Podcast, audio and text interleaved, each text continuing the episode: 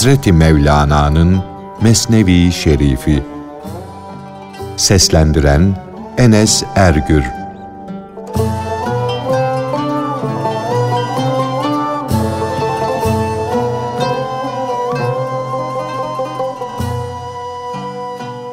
Ömrünü boş yere geçirmiş, tüketmiş, can verme çağında o sıkışık zamanda tövbe edip suçlarının bağışlanmasını isteyen gafil kişiyi her yıl aşure günü Antakya kapısında yas tutan Halep şiasına benzetiş.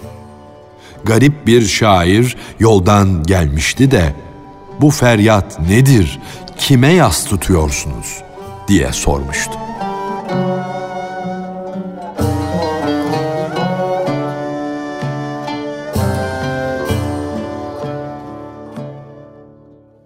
Aşure günü bütün Halepliler Antakya kapısına gelirler, akşam oluncaya kadar orada kalırlar. Erkek, kadın, büyük bir kalabalık orada toplanır, peygamberin şehit edilen torununun ve onun ailesinin yasını tutardı. Aşure günü Şiiler Kerbela vakası için ağlar, feryat ederlerdi peygamber soyunun Yezid'den, Şimr'den gördüğü zulümleri, geçirdikleri imtihanı, çektikleri mihnetleri sayar dökerlerdi. Naraları bütün ovayı, çölü kaplar, seslere ses katardı. Garip bir şair aşure günü yoldan gelmişti. O feryat ve figanı duydu. Şehri bıraktı, kalabalığın bulunduğu tarafa gitti. O feryadın, o matemin sebebini anlamak istedi. Bu gam nedir? Kime yas tutuyorsunuz? diye soruşturmaya başladı. Bu ölen herhalde büyük bir reis olacak. Çünkü böyle bir kalabalık rastgele bir kişi için olamaz.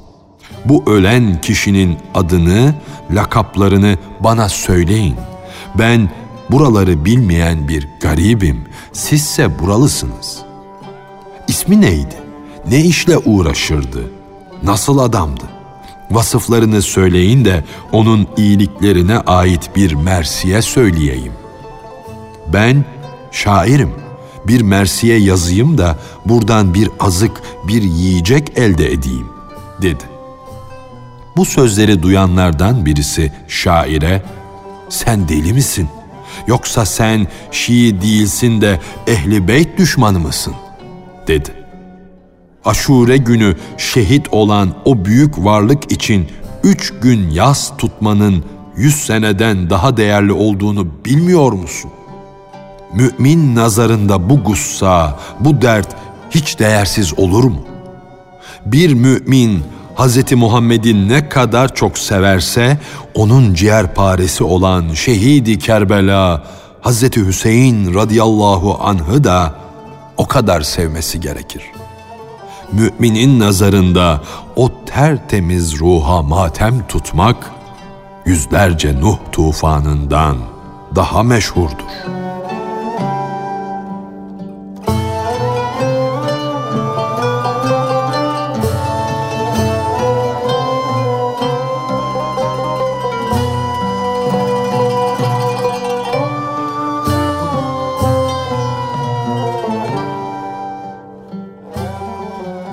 O şairin Halep'teki Şiileri kınamak için birkaç dokunaklı söz söylemesi.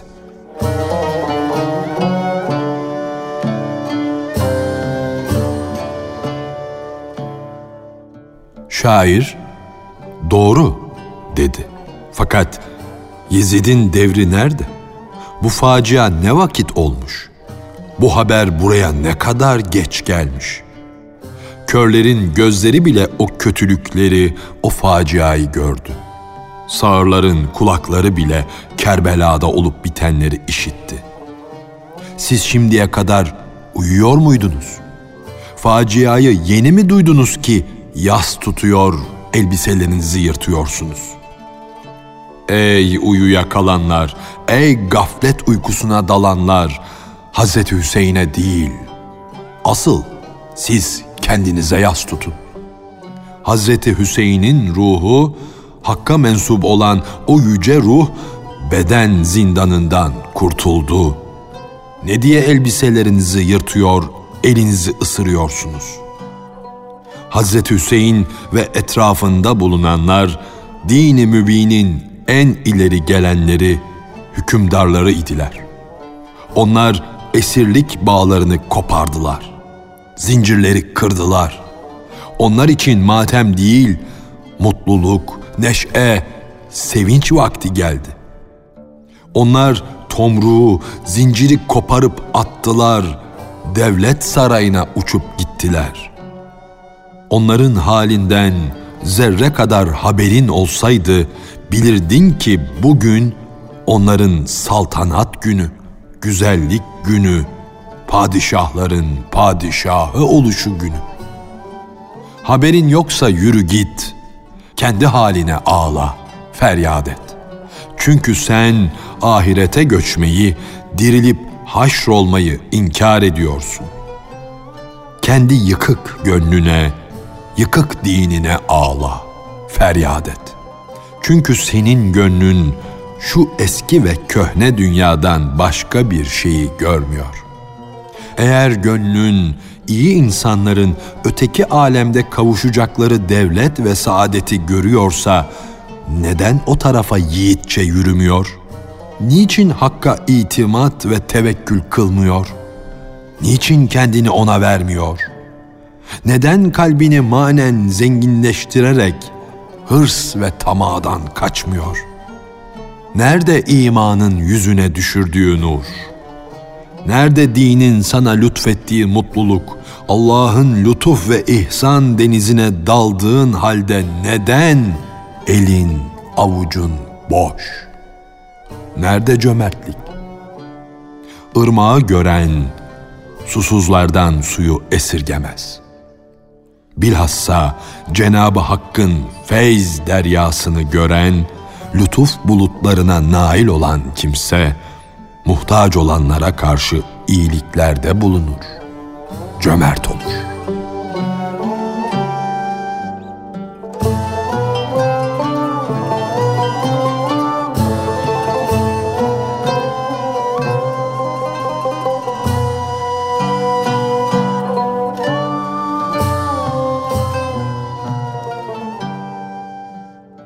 Cenabı Hakk'ın rızık verici olduğunu, rahmet hazinelerini görmeyen haris adam, büyük bir harman yerinde o harmanın büyüklüğünü görmeyip bir tek buğday tanesini çalışarak, titreyerek acele ile götürmeye uğraşan bir karıncaya benzer.''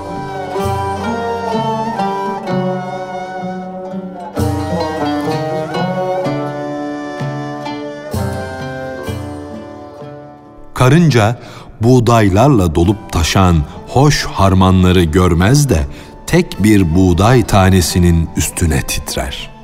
Harmanda yatan o koskoca buğday yığınını görmez de bir tek buğday tanesini hırsla, korku ile götürmeye uğraşır. Harman sahibi onun telaşını, korkusunu görür de ''Ey körlükten bir şey görmeyen zavallı karınca'' der.''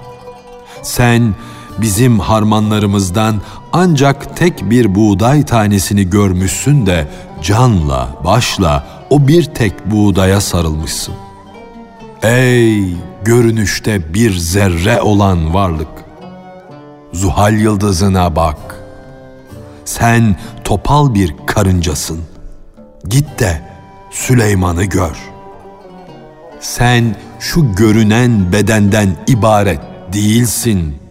Sen manevi, ruhani bir gözsün, bir görüşsün.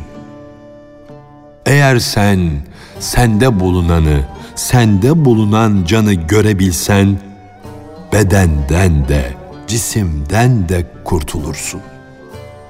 Aslında insan gözden, görüşten ibarettir.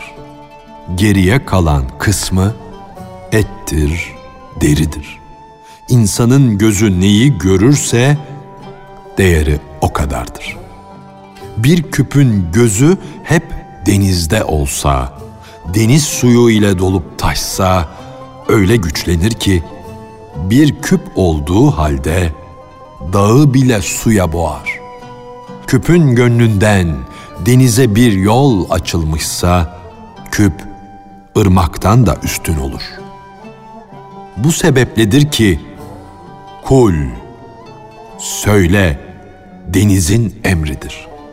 Bu emri Ahmet aleyhissalatu vesselam verse gerçekte bu emir denizin yani hakkın emridir. Hz. Peygamber Efendimizin sözlerinin hepsi hakikat denizinin incileridir. Çünkü onun mübarek gönlü hakikat deniziyle birleşmişti. Denizin bunca lütfu, ihsanı bizim küpümüzden meydana gelirse bir balığın içine bir denizin sığmasına hiç şaşılır mı? Duygu gözü gelip geçici şekle, nakşa kapılmış, donmuş kalmıştır. Sen onu geçip gidiyor görmedesin. Halbuki o yerindedir. O geçip gitmiyor. Bu ikilik şaşı gözün görüşünden doğar. Yoksa evvel ahirdir. Ahir de evveldir. Yukarıdaki beyitlerde geçen aklın alamadığı bilgiler nasıl öğrenilir? Manevi, ruhani dirilişten sonra bu anlaşılır. Sen maddi ölümden önce öl de dirilmeyi gör. Yoksa öldükten sonraki dirilmenin sözünü az et. Öldükten sonra dirilmenin şartı önce ölmektir. Çünkü dirilmek ölümden sonra olur.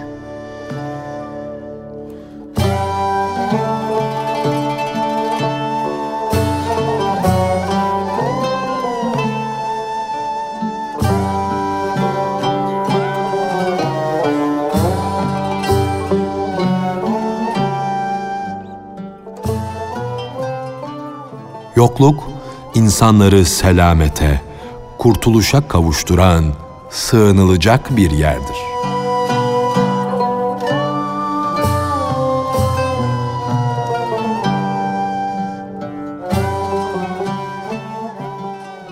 Cümle alem yok olmaktan korktuğu için yollarını şaşırmışlardır.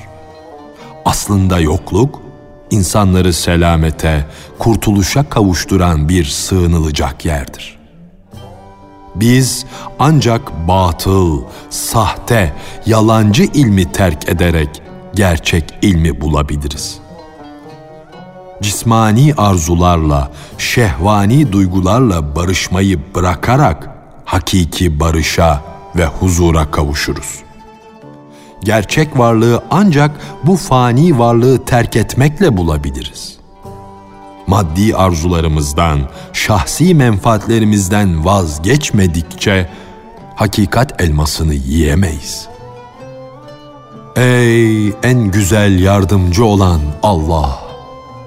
Var gibi görünen fakat aslında yok olan şu fani aleme takılmış kalmış olan gözlerimi görünmeyen gerçek alemi görür bir hale getirmeye senin gücün yeter. Bu yokluktan gelen, yok iken yaradılan göz, gerçek varlığın zatını tamamıyla görmez hale gelmiştir. Allah'ın lütfu ile iki gözün görüşü değişir, nurlanırsa bu düzenli dünyayı kıyamet kopmuş da insanlar mahşerde toplanmışlar gibi görür. Mecazi ölümü tatmadan evvel anlayışları kıt olan ham kişilere bu hakikatler noksan göründü. Bu sebeple bu gerçekleri hayatta iken görüp anlamak onlara haram oldu. Bu fani dünya pazarında sermaye altındır öteki dünyanın sermayesi de aşktır. Ağlayan iki gözdür. elinde parası olmadan pazara gidenin ömrü boşuna geçer. Pazardan eli boş döner. Kardeşim, sen neredeydin? Hiçbir yerde. Yemek için ne pişirdin? Hiçbir şey. Gerçek bir müşteri ol da sana manevi bir şeyler vereyim. Hak'tan, hakikatten bahsedeyim. Ruhani cevherlere gebe olan gönlüm sana manevi laller, ilahi inciler doğursun. Onları alacak müşteri gevşek, soğuk bile olsa sen onu hak dinine davet et. Çünkü böyle buyurulmuştur. Doğan kuşunu uçur, mana güvercinini, ruh güvercinini yakala. İnsanları hakka davet ederken Nuh'un yolunu tut, yılmadan sabırla uğraş. Allah aşkı için çalış. Allah aşkı için hizmette bulun. Halkın kabul etmesiyle, reddetmesiyle senin ne işin var? Bu fani dünya pazarında manevi altın kazanmak için müşteri mi istiyorsun? Allah'tan daha iyi müşteri var mı? Senin nefsinin malından pis bir dağarcığı alır, karşılığında sana kendi nuru ile nurlanmış bir gönül aydınlığı verir.'' gerçekten de fani olan bu bedeni alır, hayalimizin ve vehmimizin idrak edemeyeceği, ulaşamayacağı bir sultanlık ihsan eder. Birkaç damla gözyaşı alır, şekerlerin, balların bile haset ettiği cennette akan bir ırmak olan Kevser'i bağışlar. Sevdalarla, ıstıraplarla dolu olan ahları, feryatları alır, her aha, her feryada karşılık yüzlerce manevi yüksek mevkiler, faydalı makamlar verir. Gözyaşı bulutlarını sürüp götüren ah rüzgarları yüzünden Halil İbrahim'e çok ah çeken adını verdi. Aklını başına al da şu eşi benzeri bulunmayan, alışverişi durmayan şu dünya pazarında eskileri sat da peşin mana sultanlığını elde et. Eğer sana bir şüphe, bir endişe, bir kaygı gelir de yolunu keserse, alışverişte bulunan peygamberleri düşün. Onları kendine örnek edin.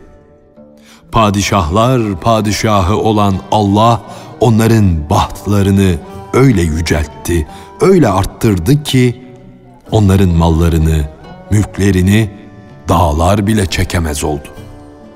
Halbuki dünya halkı, dünyaya bağlı kişiler hakikat pazarlarında mana tüccarlarından bir şey almak istemezlerse, onlara gerçek müşteri bulunmazsa satış olur mu? Bazen alıcı olmadan da mallara bakılır. Sadece mala bakmakla iktifa eden o ahmağa mal satılabilir mi? Zaten onun sizin manevi malınızı almaya kabiliyeti de yoktur.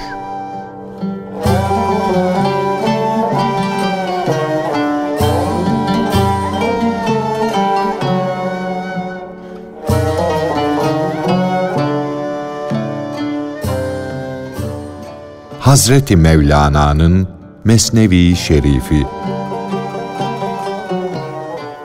Seslendiren Enes Ergür